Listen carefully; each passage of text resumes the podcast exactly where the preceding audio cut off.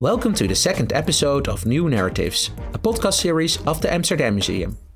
For this series, the Amsterdam Museum invites guests from outside of the museum to reflect on exhibitions and the collection. In this episode, curator Imara Limon discusses the temporary exhibition Refresh Amsterdam Sense of Place with artist Antonis Pittas. Refresh Amsterdam is currently on display at the Amsterdam Museum. This episode is moderated by Vanessa Vroon Najem.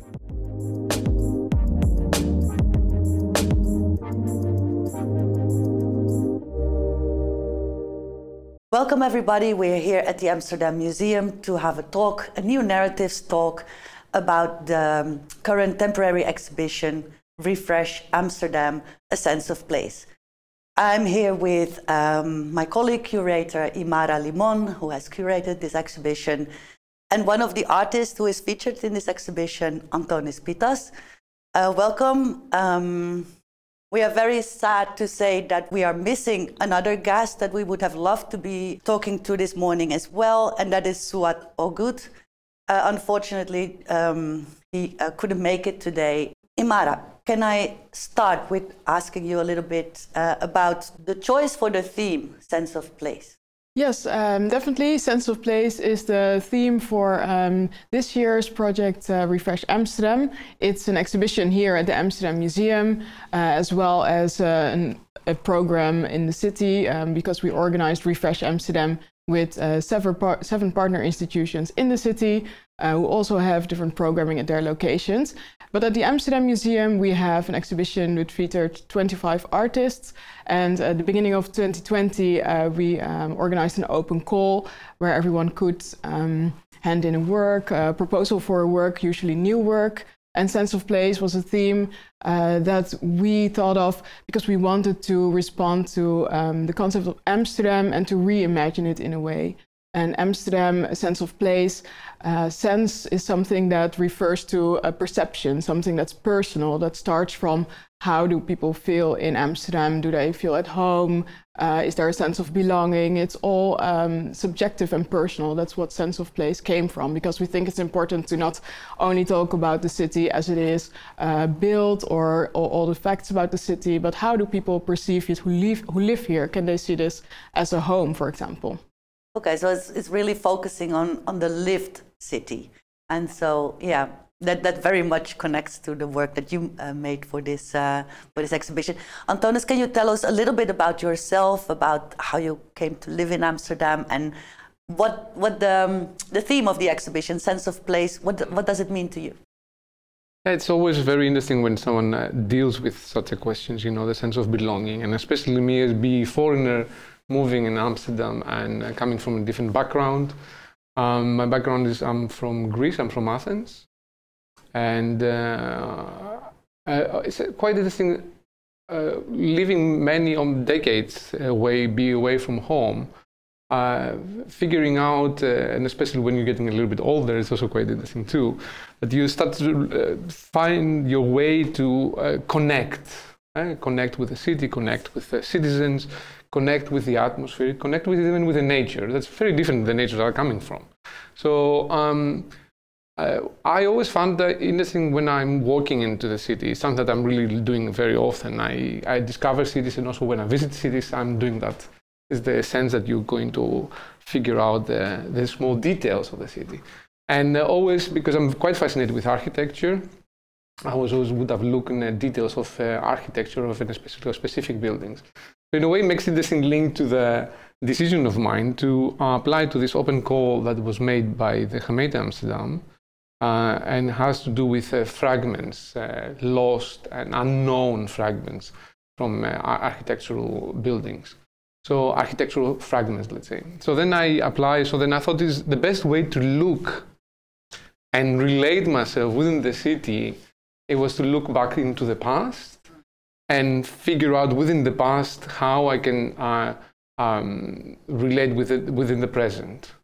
So that was, let's say, the basic idea of uh, this uh, contribution of mine into the exhibition. So were you already working on this kind of, of um, line of thought? Yeah, um, I have to say that the last it's more than the last 10 years uh, that I'm working a lot with an idea of um, how you capturing public memory on the making.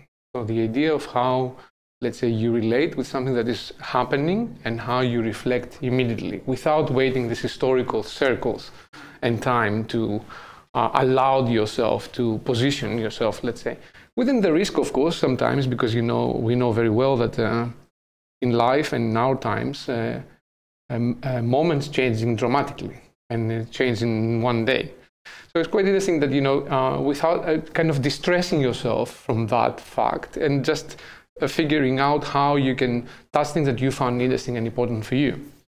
So in that case, something that I'm really working the last 10 years, and also I'm looking and investigating and researching around the idea of how you capturing the public memory and how this have been happened in, in, in the history of architecture and, uh, and socially speaking. Uh, with an idea, of course, how much uh, most of the most of the times what's happening is that uh, uh, on the public space we, we deal with public art and then relate it always with memorial. The idea that the collective, the sense of collective uh, um, memory. And it is something that already kind of fascinates me. What is the ingredient? How you do uh, and how you're dealing with a sense of representation. Something also that's very interesting, especially on the narrative of Amsterdam.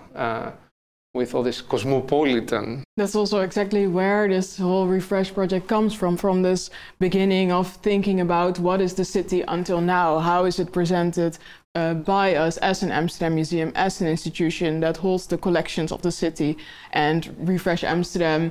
That's why um, uh, we don't make it a one time project. It's something that expands over the years with an online platform where we uh, deepen our thoughts on what is the city and for whom is the city.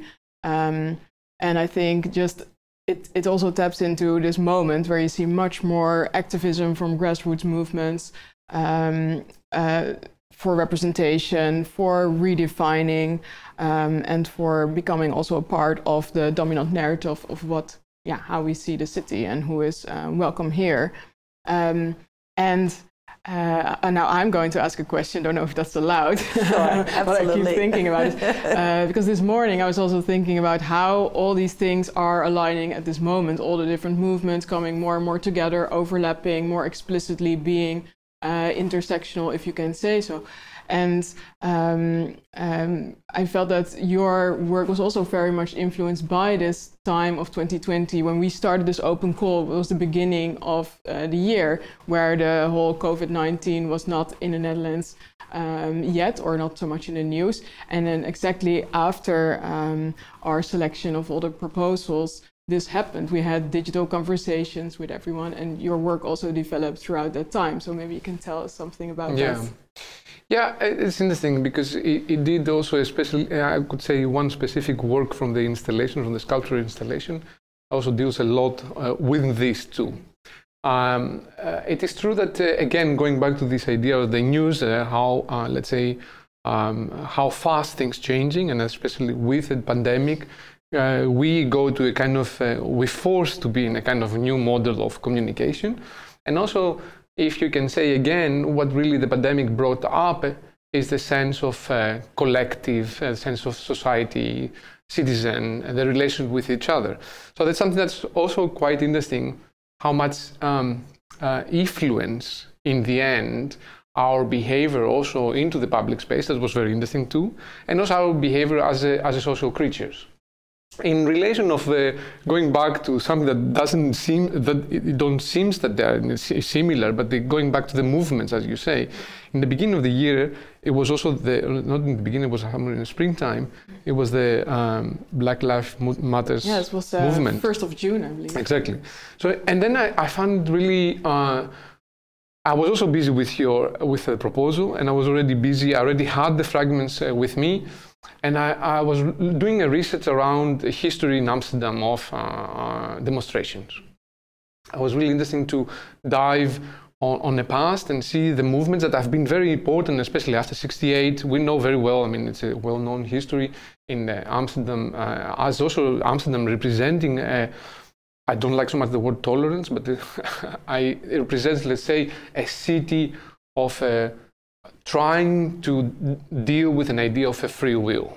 Right? Because I wouldn't say that got it, but you know, but freedom is a very important concept exactly. for Amsterdam in its exactly. self-image. Yes. Yeah, yeah, exactly, exactly. So, so the image, uh, unfortunately, later on became a consuming image, but doesn't matter. It's another criticism here. Um, so in a way, the um, looking on the Black Lives Matters movement and um, and one th- what what really happened a lot is of course you have all the signs, eh, the placards and signs that people write things, and one of the words that was really there non-stop it was the word enough, and kind of really uh, hit me.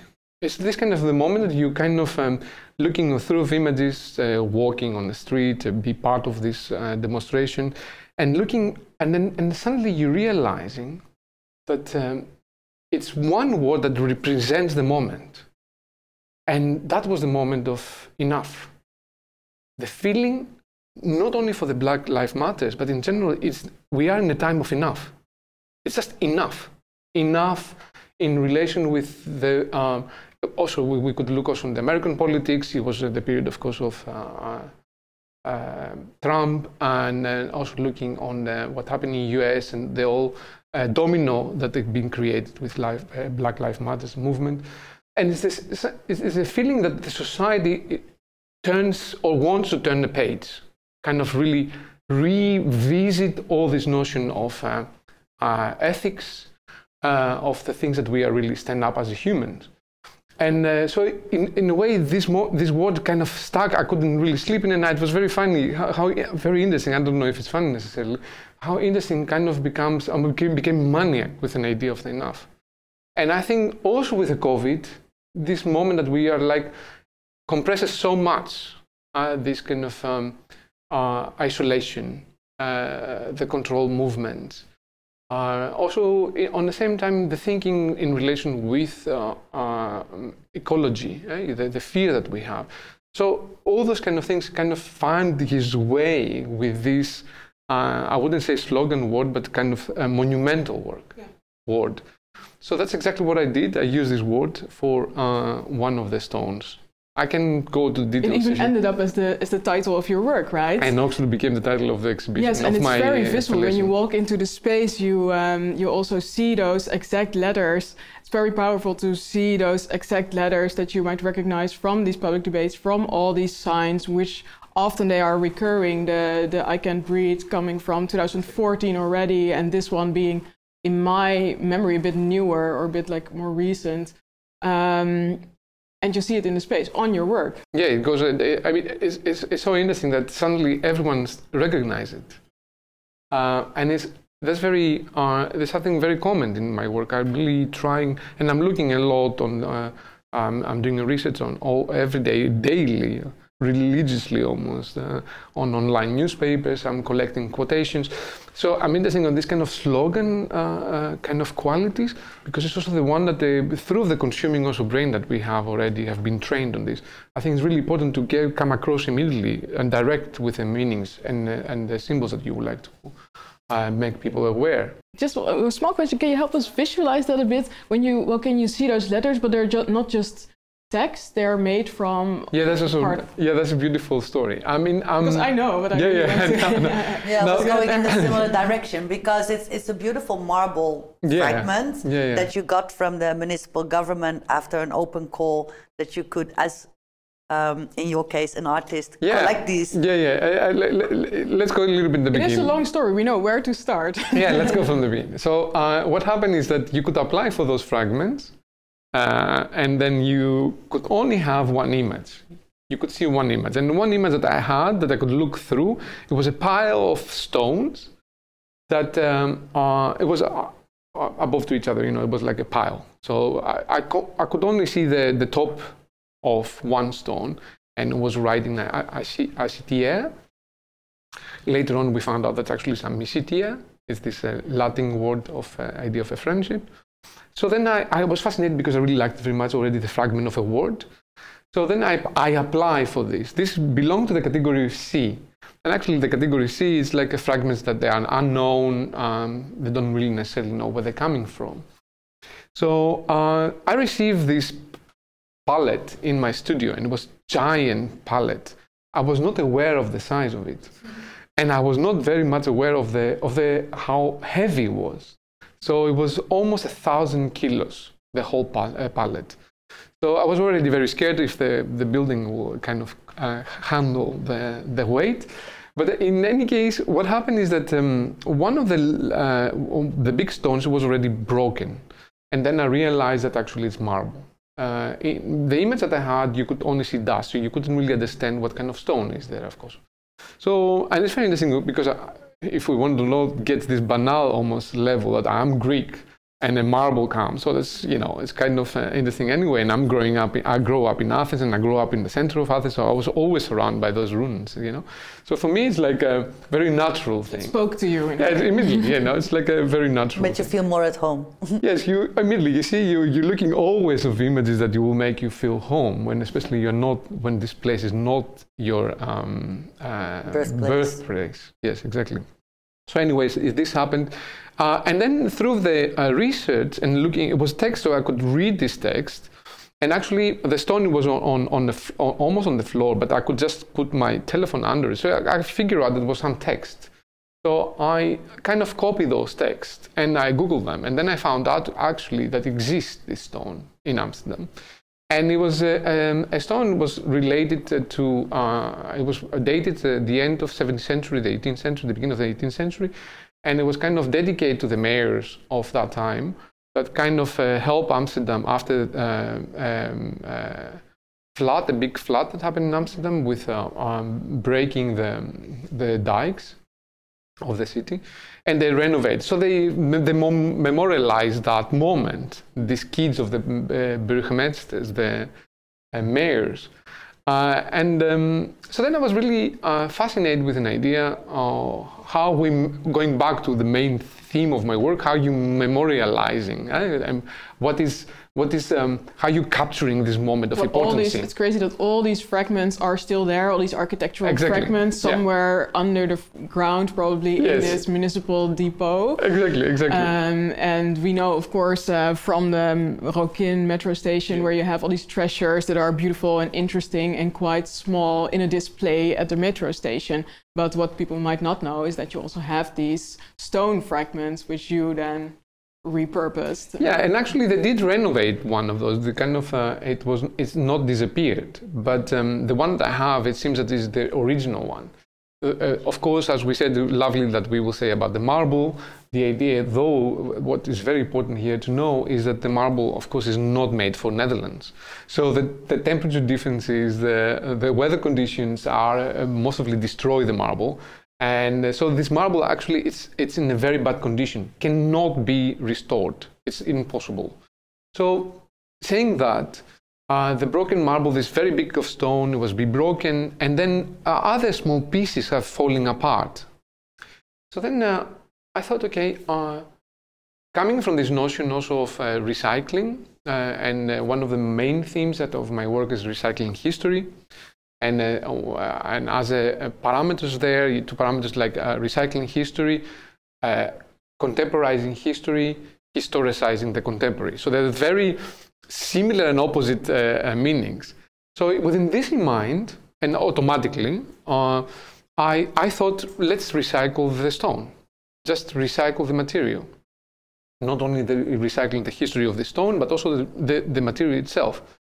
Uh, since also I mean, uh, the last period crisis, thinking, okay, how many more stuff we can add in this world? Eh? You know, I'm also start thinking mm. a lot around that.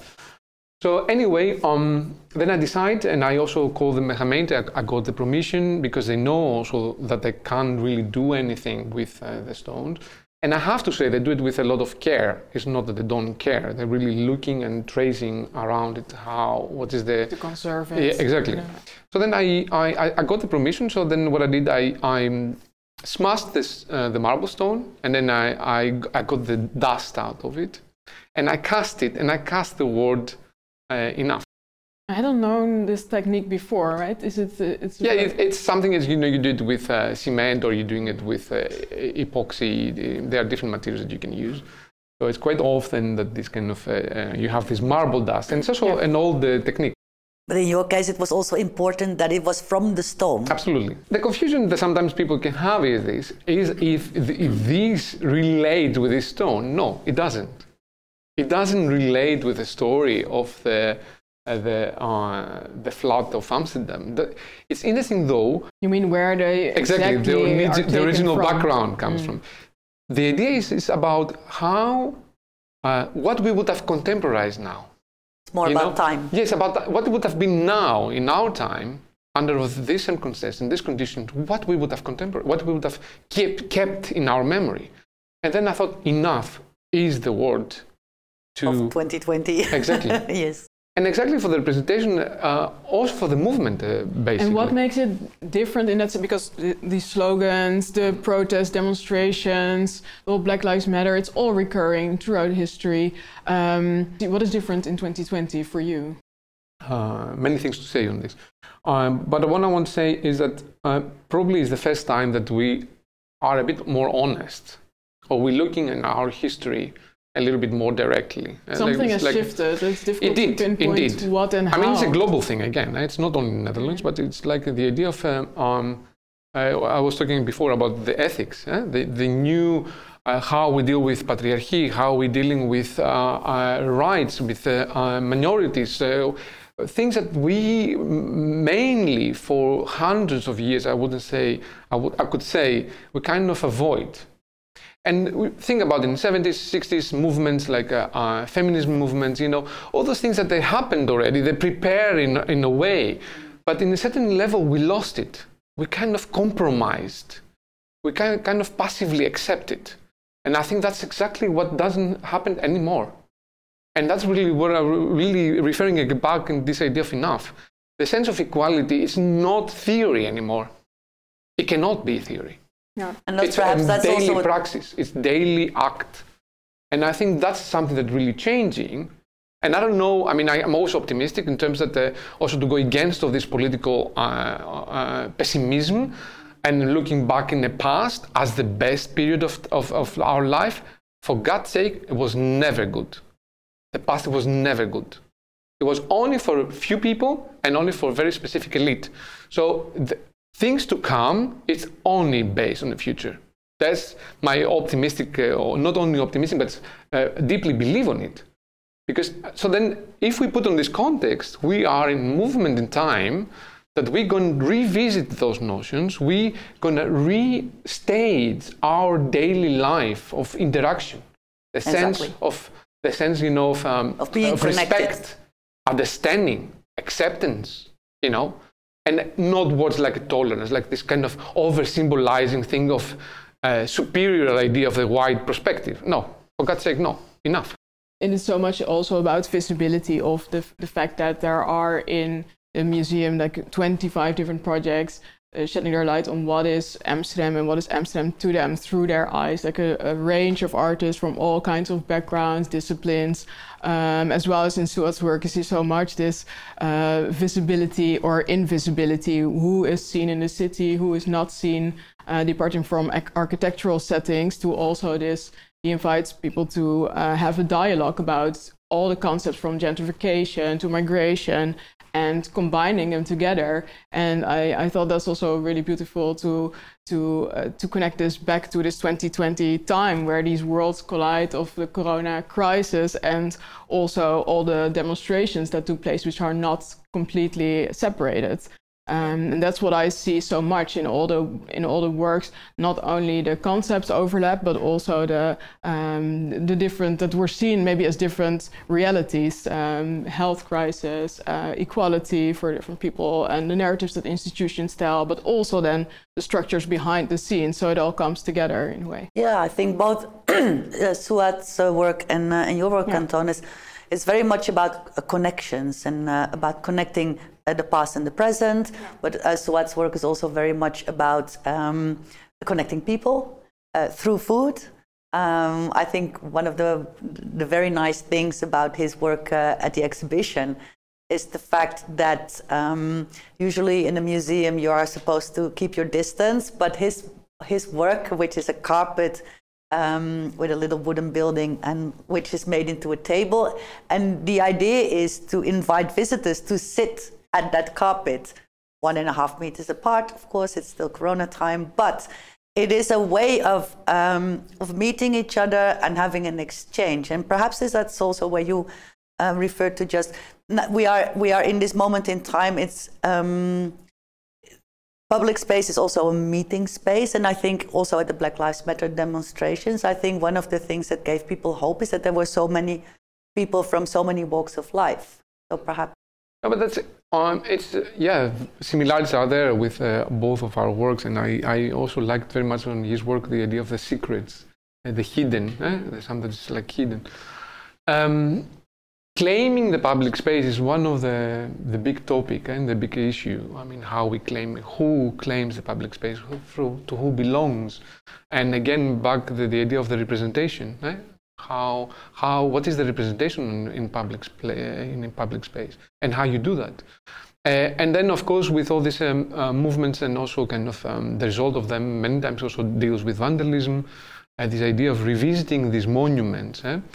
and and I think that's that's a, such an uh, uh, uh, interesting, especially for me as an artist, looking on this idea of of representation and aesthetics, even that also in the end creates an aesthetics, and how um, and how and open up is very much the, the dialogue. How are we going to deal in the future? How we are going to have this polyphonic and this polyphonic. Um, uh, approach also to the aesthetics, but also to the idea of representing stories.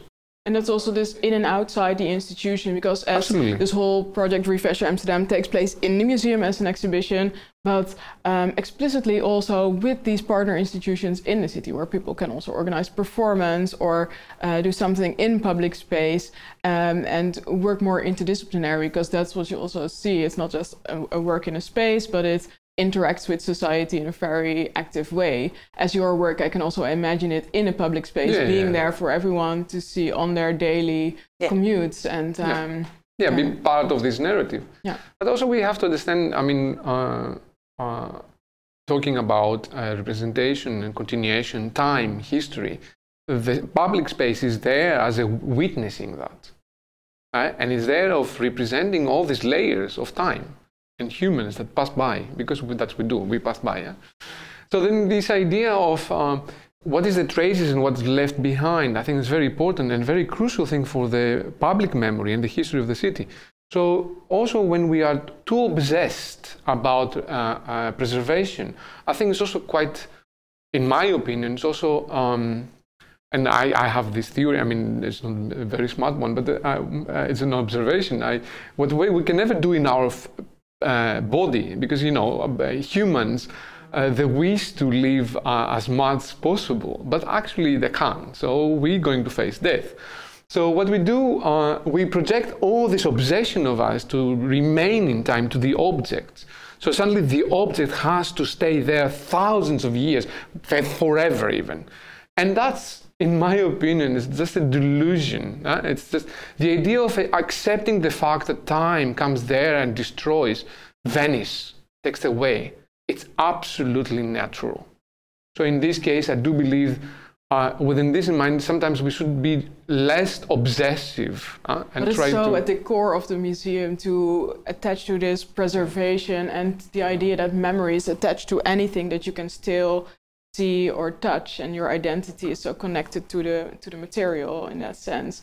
So that is also a difficult position for institutions who want to preserve and keep and and collect more art and objects rather I know, than I know I know. I know at least they can transform there can be a transformation in the storytelling. So I think even yes. if the objects uh, we try to preserve them for um, as long as possible and it's, okay. it's the nature of it. I understand, of course. I mean, don't misunderstand me. I, I do have, I'm coming across a little bit of an, uh, uh, an unorthodox, an anarchistic, let's say, opinion. Um, but um, yes, uh, that's exactly what the museum does. The last period, especially, can they do this kind of revisiting with a different uh, uh eye and critical uh, perspective, because some people also misunderstanding. It's not about erasing history. You, it's I'm not in favor of erasing history. Revisiting history is something completely different. There's a big fear around exactly not exactly around re- really leaving this idea of only preserving and adding I think because what is left from history is often these um, the objects that have been preserved and the people who have been able to preserve their personal objects and their art and their works and anyone who had a more oral culture perhaps might not have this in the dominant western institutions and where is now is this whole of course this whole movement ongoing of institutions wanting to include different narratives and how do you do that if there are no objects and the difficulty Okay, of facts. reimagining what uh, heritage can be and if it can be also something that's not physically there there's always this this tension between the value attached to what's material and less value of invisible traditions and um, but it's but it's changing now and I But it's, I think it's a good it's a it's a good start to realize that the old way of doing things for museums is also storytelling. It is not a neutral history. It's also storytelling from a certain perspective, usually the perspective of the elite. Um, so adding new perspectives um, um, is, is just going to enrich uh, our appreciation and our relation with uh, with the history, with the objects, with the material and the immaterial side of uh, of who we are. And and uh, I think the fact that we all meet each other in the city nowadays, uh, much more diverse. This is has become a city of minorities. So that I think is a very interesting um, uh, perspective look going forward. Um, we're going to uh, have to um, to round up. Are there are there things about the exhibition, about the theme, sense of place, about the work of you and Suat uh, that we that we need to mention here? You want to add a thought? Well, maybe also um, to round up, one of the things that um, that Refresh also tries to do is to um, uh, start from from a very clear perspective of adding new narratives to uh, the idea of, of the concept of Amsterdam to broaden this concept, and that uh, just maybe like to give a few examples of how this how this is, can be done through different artworks, um, but also through imagining if Amsterdam is not a place where where you were born and this is still part of your identity of your memories to try and reimagine it as part of the city. So we have um, the the campaign image, for example, for Refresh, which is um, shot uh, on Curacao, uh, and which immediately confuses you when you look at it because you might not see a canal house or anything that's typically Amsterdam. And trying to yeah change the narrative also has to do with this conditioning of what can you imagine being part of a city or the people who live here? It has to do so much with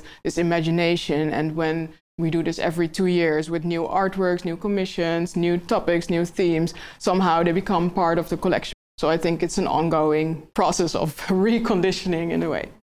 Well, the exhibition features 25 different artists, so you can you have 25 different perspectives on this on this current time. Um, Antonis, thank you so much for sharing your thoughts and uh, and your work at the exhibition. Imara, thank you, Thank you. as well.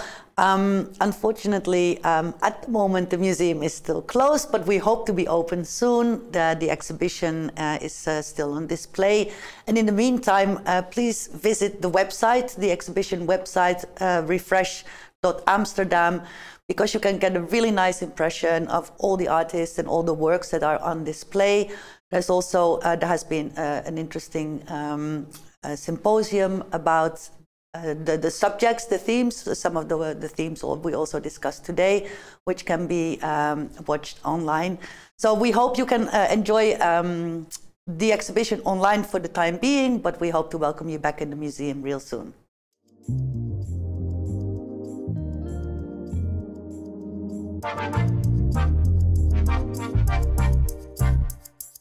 Thank you for listening to the second episode of New Narratives. You can watch the video of this episode on our website www.amsterdammuseum.nl or on our YouTube channel. We would love to hear what you think about our new series. You can reach us through mail at podcast at amsterdammuseum.nl or social media. Next week, we will be back with a new episode of AM Live. Bye and have a good week.